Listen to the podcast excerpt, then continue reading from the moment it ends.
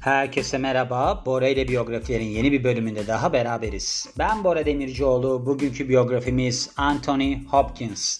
Ben Anthony Hopkins'ten aslında dünkü biyografide bahsetmiştim. Arada kaldım filan diye. Hatta bir noktada sesim titredi. Sonra ben içeriye gidip ağladım filan ama çok profesyonel bir noktaya geldiğim için bunları siz anlayamadınız tabii ki. Peki Anthony Hopkins nereden çıktı? Begüm Alçin var. Şöyle. Biz kendisiyle dijital ortamda tanışıyoruz. Nasıl tanışıyoruz? Benim Besin Piramidi diye başka bir podcast'im daha var. Orada ben zaten normalde antrenör ve beslenme uzmanı olduğum için beslenme ile ilgili şeyler paylaşıyorum. Aslında bunun gibi bir podcast o da. Ama sadece konu olarak beslenme içeriyor. Hatta ben bu iki podcast'i yaparken şöyle düşünmüştüm. Bu arada demiştim biyografiler çok tutmaz ama Besin Piramidi kesin tutar. Hatta demiştim bir de reklam verdin miydi sen? Uff filan diye.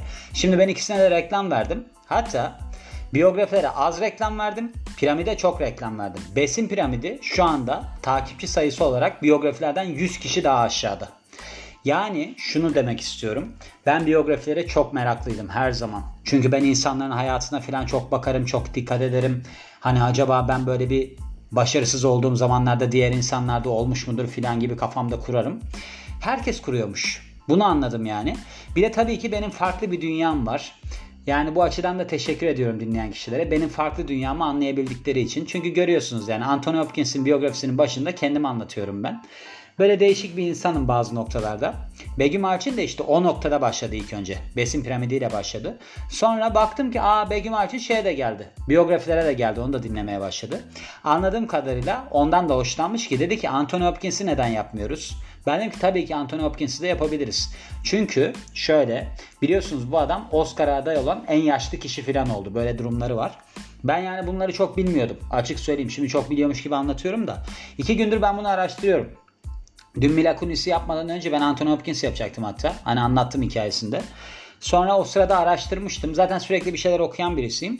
Bundan önce de şimdi saat oldu. 2'ye 20 var şu anda saat. Tadilat var apartmanda. Yarın saat 10'da bunlar başlar tadilat yapmaya. Bugün kaçtım. Bugün sabah tenis dersim vardı. Tenise gittim. Tenis menis oynadım. Bir şeyler yaptım. Geldiğimde komşular çok rahatsız olmuştu. Ama ben o noktaya hiç gelmedim. Hiç orada kalmadım. Şimdi yarınki planımı da şöyle kuruyorum. Ben bu biyografiyi yaparım. Yaptıktan sonra yatarım. Yattıktan sonra saat 9.30'da kalkarım. Tenis raketini alırım. Şu modada bir tane duvar buldum. Gideceğim orada tenis oynayacağım. Öyle planım var. Ondan sonra bisiklet falan binerim. Çeviri mevri yaparım. Ondan sonra eve döndüğümde gene komşular rahatsız olmuş vaziyette. Yüzlerine bakarım. İyi günler filan derim. Öyle şeyler planlıyorum yani. Neyse bu bölümü kısacası Begüm için yapıyorum. Aslında Anthony Hopkins benim de yapabileceğim bir insandı ama yapmazdım açık söyleyeyim. Yani ben bu şeyi yapmayı düşünüyordum. Bradley Cooper var ya onu yapmayı düşünüyordum. Çünkü Limitless filmi var. İzlediniz mi bilmiyorum ama gerçekten çok iyi yani Limitless. Hep böyle şeyler hayal ederim ben. Böyle çok zeki olayım filan diye. Eskiden mesela benim zamanımda Bu Dünyanın Dışından diye bir dizi vardı. Kız böyle parmaklarını birbirine dokundurarak zamanı durdururdu. Hep onu da yapmak isterdim. Sonra Van Damme vardı. Bacaklarını açardı. Hep onu da yapmak isterdim. İşin ilginç tarafı ne biliyor musunuz? Hiçbirini yapamadım. Yani böyle başarısızlıklar üzerine kurulu bir hayatım var. Şu anda podcast yapıyorum. Antrenörlük yapıyorum. Hala bacağımı açamıyorum antrenörlük yapmaya rağmen. Hatta tatildeyken bacağımı açmaya ben bayağı bir çalıştım. Az kaldı bacaklarımı da yırtıyordum orada. Hepten facia bir şekilde geri dönecektim. Neyse bu 3 dakika 42 saniyelik girişten sonra Anthony Hopkins'e geçebiliriz. 31 Aralık 1937 doğumlu. 83 yaşında şu anda yani. Known as olarak da bilinir. Sir Philip Anthony Hopkins. Wales'ta doğuyor. Wales doğumlu. Boyu 1.75. Şimdi şöyle ben aslında kendisini iki yerden çevirdim. Biography.com'dan da çevirdim, şeyden de çevirdim. The Famous People'dan da. Bu sefer ben okudum. Normalde ben hiç okumadan direkt çeviriyorum ama okudum ben artık. Şimdi buradan İngilizceden direkt çevireceğim de eskiden yani eskiden derken bundan önceki birkaç biyografide hiç bakmıyordum. Ne işte bir challenge olacak ya bize. Orada ben direkt buradan çevireyim diye. Ama baktım bu adam şimdi yaşlı maçlı bir de batırırsam gece olmuş saat 2 ben bir daha baştan alamam diye. Hastalıkları disleksi. Bakın disleksi biliyorsunuz şeyde de vardı. Richard Branson'da vardı. Başka Keanu Reeves'te var. Tom Cruise'da da var. İşte bu adamda var. Yani ünlü olmak ve de zengin olmak için disleksi hastalığı gerekiyor arkadaşlar. Bende yoktu onun için başarılı olamadım. Şans. Başarılı olamamam televizyon sektöründe iki faktöre bağlıymış şunlar. Disleksim yok. Anne babam boşanmamış. Bunlar olsaymış ben ünlüymüşüm şu anda. Belki de başkaları benim podcast'imi yapıyordu. Yapacak bir şey yok. Kimdir Anthony Hopkins? Aslında biliyorsunuz Silence of the, the Silence of the Lambs yani Kuzuların Sessizliği filmindeki bu yamyam katil canlandırmasıyla çok iyi tanınır. Hatta bununla ilgili de bir hikayem var ve Anthony Hopkins de zamanın yaşayan en büyük aktörlerinden birisi olarak kabul edilir. Daniel Day-Lewis de öyle kabul ediliyor. Ben size şöyle söyleyeyim. Daniel Day-Lewis'i ben Anthony Hopkins'ten daha çok tutuyorum. Zaten onun biyografisi de var dinleyebilirsiniz. Bence çok karizmatik bir adam. Çok akıllı bir adam olduğunu düşünüyorum. Bir de normal hayattaki tarzı falan da çok iyi. Şimdi bu Silence of the Lambs'e gelirsek şöyle Jurassic Park'la aynı zamanda gösterime girdi bu film. Jurassic Park vardı ya Steven Spielberg'ün. Neyse ben de o zamanlar dershaneye gidiyorum. FKM diye bir dershane var. Dershaneden çıktım. Annem teyzem ben Jurassic Park'a gideceğiz. Hatta ben Jurassic Park'a Jurassic Park diyorum ve bunu iddia ediyorum. Hayır diyorum. Jurassic Park diye okunur filan diye. Neyse bunlar çok önemli detaylar değil. O zamanlar da böyle DVD'ler bilmem neler filan yok tabii ki yani. Ben işte kaç yıldır bu olsun olsun 92-93 yıldır. Jurassic Park'a gideceğiz ki bir baktık Jurassic Park'ın kapısından girme şey yok imkan yok. Çünkü acayip bir kuyruk var. Biletler tükendi yazıyor. Bütün matinelerde biletler tükendi yazıyor. Ve annem sürekli şöyle diyor. Orada hiç talep görmeyen bir film var çocuklar tarafından. Çünkü biz dershaneden çıktık herkes sinemaya koştu ya. Kuzuların Sessizliği. Annem sürekli diyor ki ben o zaman 10 yaşında 12 yaşında falan. Kuzuların Sessizliğine girelim. Çok güzel bir film falan diyor. Ben de şey düşünüyorum. Kuzu muzu bunlar nedir yani? Hani kuzuların sessizliği falan diye. Biz o filme girmedik. Arkadaş biz iyi ki o filme girmedik.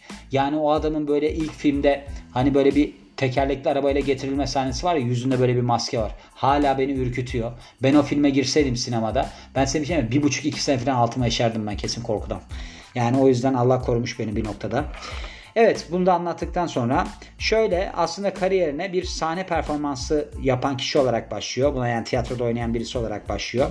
Ve bu genç adamın yetenekleri ve de aslında adanmışlığı büyük İngiliz aktörü Laurence Olivier'in Olivier'in dikkatini çekerek Royal National Theatre'da kendisinin şey böyle understudy olarak geçiyor İngilizce'de. Bu dublörü olması ya da kendi rollerini ezberleyen kişi olması için davet alıyor. Yani şöyle demiş işte sen gel benim altımda çalış falan filan hani ben sana böyle bir çırak muamelesi yapıyor yani. Bu genç Anthony de aslında bu büyük aktörün rehberliğinde son derece çabalar sarf ediyor ve büyük bir tiyatro oyuncusu olmanın yolunda adımlar atıyor.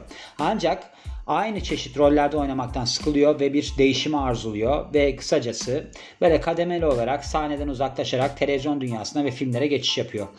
BBC yapımı The Flea, A Flea in Her Ear filminde ilk televizyon çıkışını yapıyor ve küçük rollerde küçük bir rolde yer alıyor. Kısa filmmiş bu. The White Bus.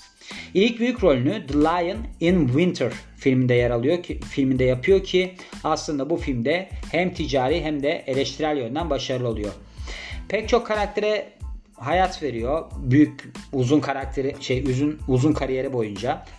Bakın görüyorsunuz değil mi? Kelimeler falan karışmaya başladı. Niye? Bora'nın kafa gitmeye başladı. Niye? Çünkü bundan önce 30 bin adım yürüdüm. Gittim böyle arkadaşla beraber dolaştık dolaştık dolaştık. Ondan sonra da geldim ben dedim ki benim podcast yapmam lazım filan. Sanarsınız ki ben bu podcastlerden para alıyorum ha. Hiç de öyle bir şey yok. Yani aldım para para değil. almıyorum almıyorum korkmayın. Sonrasında biliyorsunuz yani burada yine bahsetmiş zirveye oturduğu rolde böyle bir hani aslında çok parlak bir psikiyatristken, psikiyatristken soğukkanlı bir katile dönüşen Hannibal Lecter karakteriyle ki bununla bir Oscar ödülü de kazanıyor, zirveye çıkıyor. Çocukluğuna ve ilk yıllarına bakarsak Richard Hopkins'in oğlu Richard Hopkins de aslında bir fırıncıymış ve eşinin ismi de Muriel Ann. Büyük babasının büyük babasına çok yakın bir şekilde büyüyor. Disleksi hastası demin de söylediğim gibi resim çizmeyi çok seviyormuş ve piyanoyu piyano çalmayı da çok seviyormuş. Fakat derslere ilgisi yokmuş. Bunun derslere ilgisinin olmaması sebebi Adam disleksi hastası. Bunlarda bir okuma problemi falan oluyor. Onun için okula gitmeyi sevmiyor. Annesi babası da çok şey davranarak hani çocuğuna destek olacak şekilde davranarak diyormuş ki demiş ki 1949 yılında bunu demiş biz West Monmouth Boys School yani erkek okuluna gönderelim ki biraz disipline girsin diye. Ancak okulu birkaç ay sonra bırakıyor Anthony Hopkins ve eğitimine Cowbridge Grammar School'da devam ediyor. Bunlar tabii ki ben bilmiyorum yani. Bunlar nedir ne değildir filan diye. Herhalde anladığım kadarıyla bu daha gevşek bir okulmuş. Şöyle Galli aktör Richard Burton'la böyle tesadüfen bir karşılaşıyor ve kendisinin sayesinde şeyi fark ediyor. Hani böyle bir aktörlüğe ilgisi olduğunu keşfediyor, fark ediyor. Ve ardından da Cardiff'teki Royal Welsh College of Music ve Drama yani müzik drama işte kolejine katılıyor. 1957 yılında da mezun oluyor.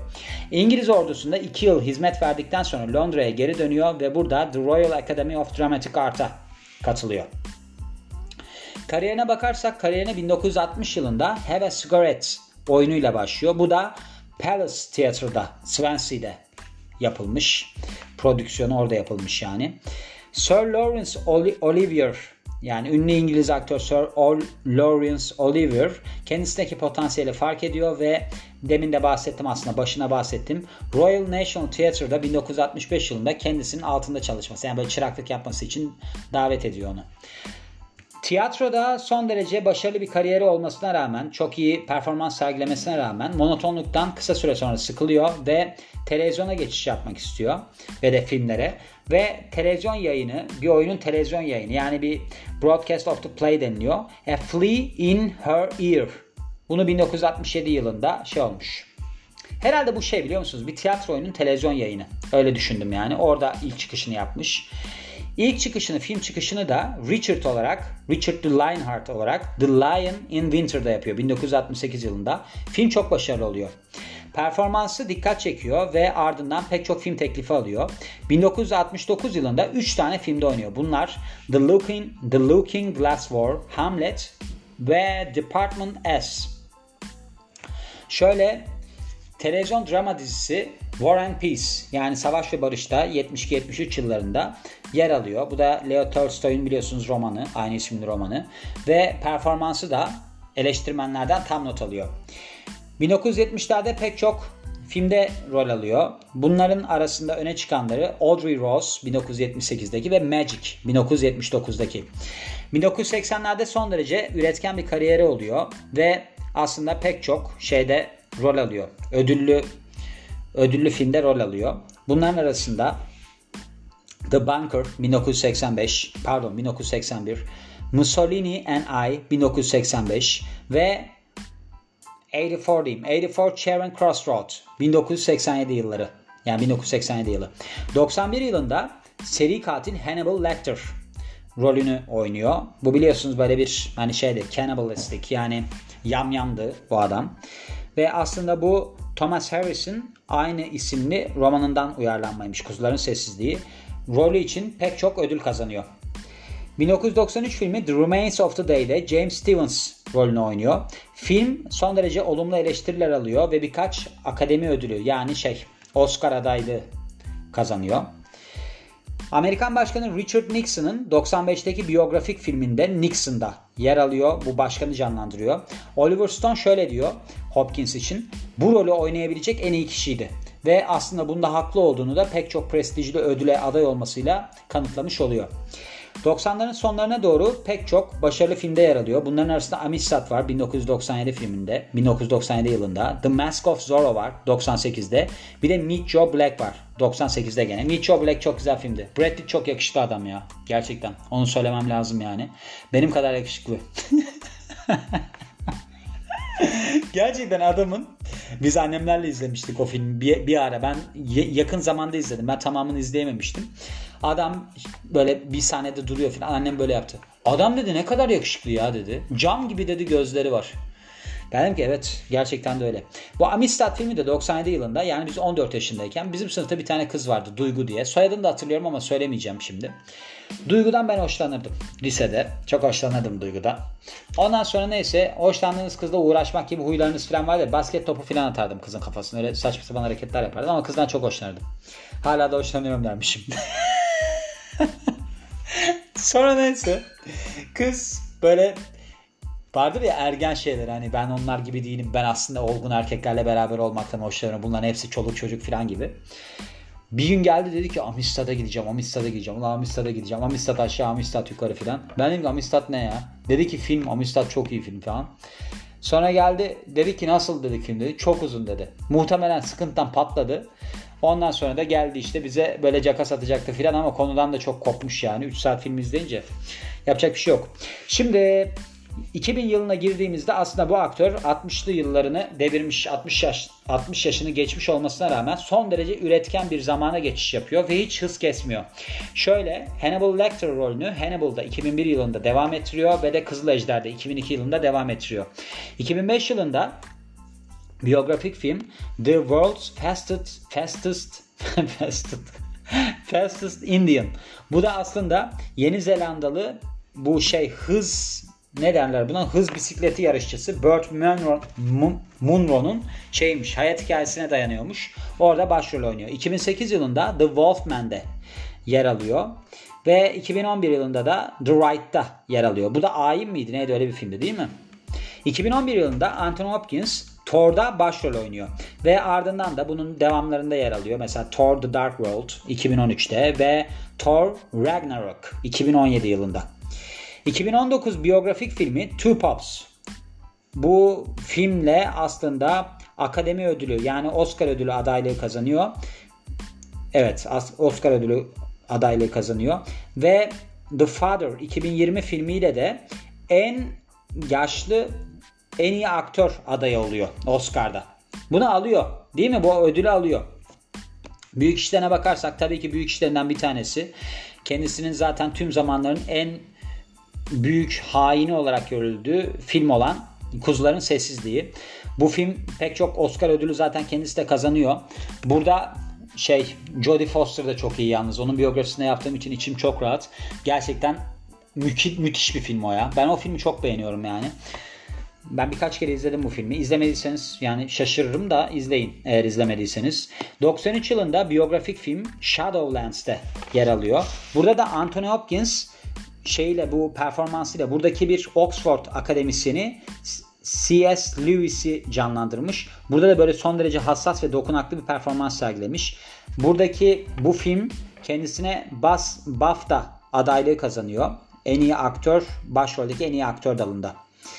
Şöyle Yeni Zelandalı bu Speed Bike Racer ne bileyim hız bisikleti yarışçısı herhalde Burt Monroe biyografik filmi The World's Fastest Indian 2005'teki onun kendisinin kişisel favori filmlerinden bir tanesiymiş. Yani ödül kazanmış bununla hem de kendisi de çok beğeniyormuş bu filmi. Ödüllerine ve başarılarına bakarsak Akademi ödülünü kazanıyor. En iyi aktör, başrol en iyi aktör de. Bu da ne? Hannibal Lecter, The Silence of the Lambs 91 yılındaki. Ayrıca 2006 yılında The Cecil B. DeMille ödülünü kazanıyor. Outstanding Contributions to the World of Entertainment yani eğlence dünyasına olağanüstü katkılarından dolayı. Pek çok diğer ödülünün yanında aynı zamanda 3 tane de BAFTA ödülü ve de 2 tane Emmy ödülü kazanıyor.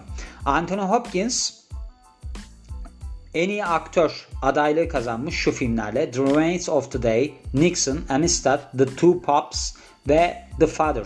Bu The Father filmiyle Oscar aldı bu 2020 filmde. Burada şey oynuyordu. Böyle bir Alzheimer mı oluyor? Bunamayla yüz yüze kalmış bir adam oynuyor.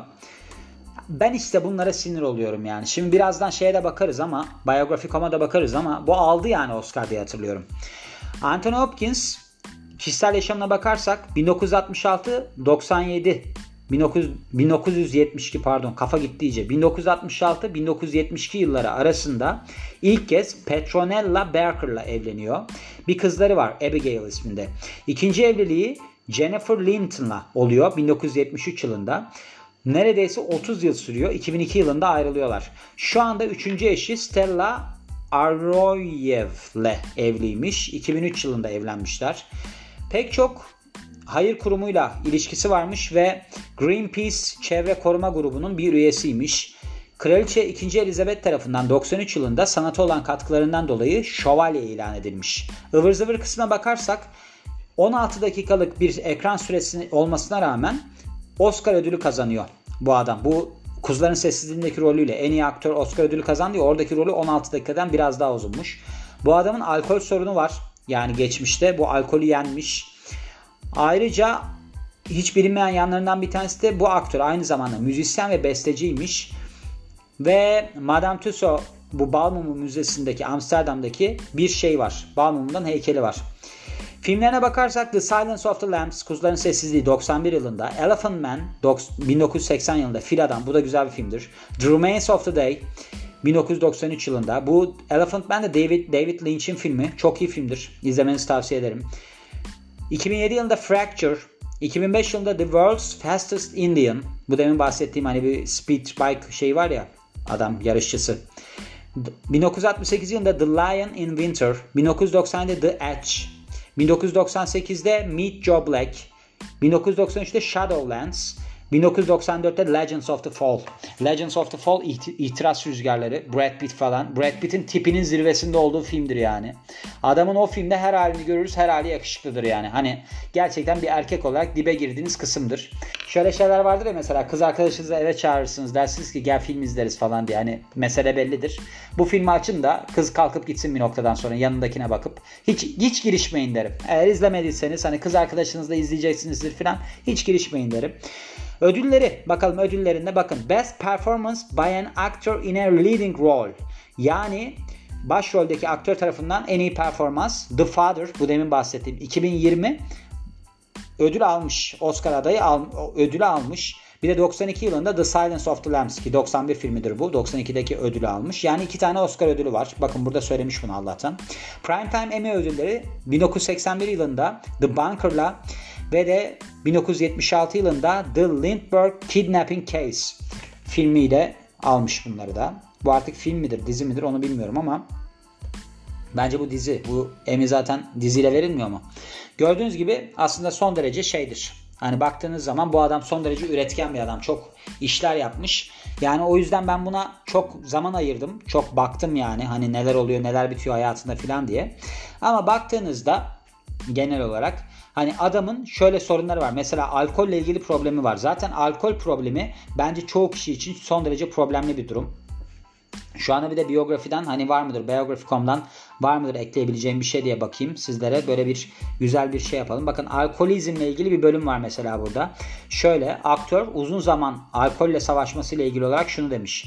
Kendim kendi adıma söylemem gerekirse son derece yıkıcı birkaç 10 yıl geçirdim. Yani few decades olarak geçiyor son derece self-destructive yani hani kendini yok edici şekilde.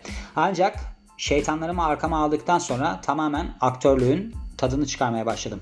1975 yılında Hopkins şeye katılmaya başlıyor. Atsız alkolikler ne derler buna gruplarına katılmaya başlıyor ve böylece şeytanlarını geride bırakıyor denilmiş.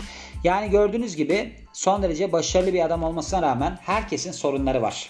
Yani bir daha şeye bakayım ben hani böyle bir durum var mı diye. Bu Oscar ödülüyle, ödülüyle alakalı olarak. Şöyle bakın The Father ile ilgili olarak Dementia yani bunamayla savaşan bir adamı canlandırması ki burada Oscar ödüllü Olivia Colman'la karşılıklı olarak oynamış. Kendisine birkaç ödül getirmiş yani adaylık olarak ve Best Aktör, en iyi aktör ödülünü kazanmış. Bakın burada da söylüyor Oscar ödülünü kazanmış. Yani Oscar almış bu rolüyle de. Zaten orada en yaşlı ödül şey Oscar ödülüne aday olan kişi olarak bir tarihe geçmişliği de var. Evet gördüğünüz gibi hani sizin için son derece detaylı bir biyografi yapmaya çalıştım. Ben de merak ediyorum. Hani sadece sizinle alakalı değil. Benim de merak ettiğim bir şey. O yüzden de hani elimden geldiğince çok böyle detaylı şeylerden bahsetmeye çalışıyorum. Bir de şu var. Hani bazı noktalarda bazı insanların hayatında şanslar olabiliyor. Hani mesela ben bu şeyde bahsetmiştim ya size. Bu bir adam çağırıyor hani Sir Lawrence Olivier diye sen diyor benim diyor altımda çalış understudy demiştim hani. Orada onun rolünü oynamasının sebebi de mesela bu adam apendisitten dolayı role çıkamadığında Dance of Death oyununda Hopkins sahneye çıkıyor ve performansıyla ortalığı sallıyor. Yani adamın aslında apendisit, apendisit olması yani apandis iltihabının olması işine yaramış. Yani çıkış yapacağı nokta da böyle olmuş. Oradan yürümüş. Gördüğünüz gibi son derece aslında detaylı bir biyografi oldu. Hoşuma giden bir biyografi oldu. Yarın tadilat olmasına rağmen son derece cesur davranıyorum. 25 dakikalık bir biyografi bırakıyorum size. Dinlerseniz ve beğenirseniz çok mutlu olurum. Beğenirseniz ve paylaşırsanız daha çok mutlu olurum. Neden? Çünkü ben aslında buna bir bütçe ayırıyorum. Ve bunu herkesin dinlemesini istiyorum. Buradan para kazanma şansım yok. Bakın net söylüyorum size. Para kazanma şansım yok. Ama hobi bazında çok hoşuma giden bir iş olduğunu düşünüyorum. Ama hem beni geliştiriyor. Mesela sıfırdan tanıştığım insanlarla müthiş muhabbet etmeye başladım. Yani böyle beni yeniden yeni tanıyan birisiyseniz dersiniz ki ne kadar dolu bir insan ya. Aslında fiziği falan da iyi, tipi falan da iyi ama kafası da iyiymiş falan dersiniz. O yüzden böyle insanlar olmamız açısından paylaşmanızı çok isterim. Yani sadece bunu değil mesela besin piramidinin de besin nokta piramidi diye Instagram hesabım var. Onu da takip etmenizi isterim. Çünkü orada da beslenmeyle ilgili ben bir sürü şey paylaşıyorum. Hepsi de aslında dünya çapında yerlerden çevirdiğim makaleler oluyor. Kendi yorumlarımı da ekliyorum tabii ki. Çünkü benim işim o aslında yani. Ben beslenme uzmanı ve antrenörüm. Ben oradan para kazanıyorum ama hobi olarak böyle bir şey de yaptığım için mutluyum diyorum. Ve bu biyografinin de sonuna geliyorum. Beni dinlediğiniz için çok teşekkür ederim. Ben Bora Demircioğlu. Yeni biyografide görüşmek üzere. Hoşçakalın.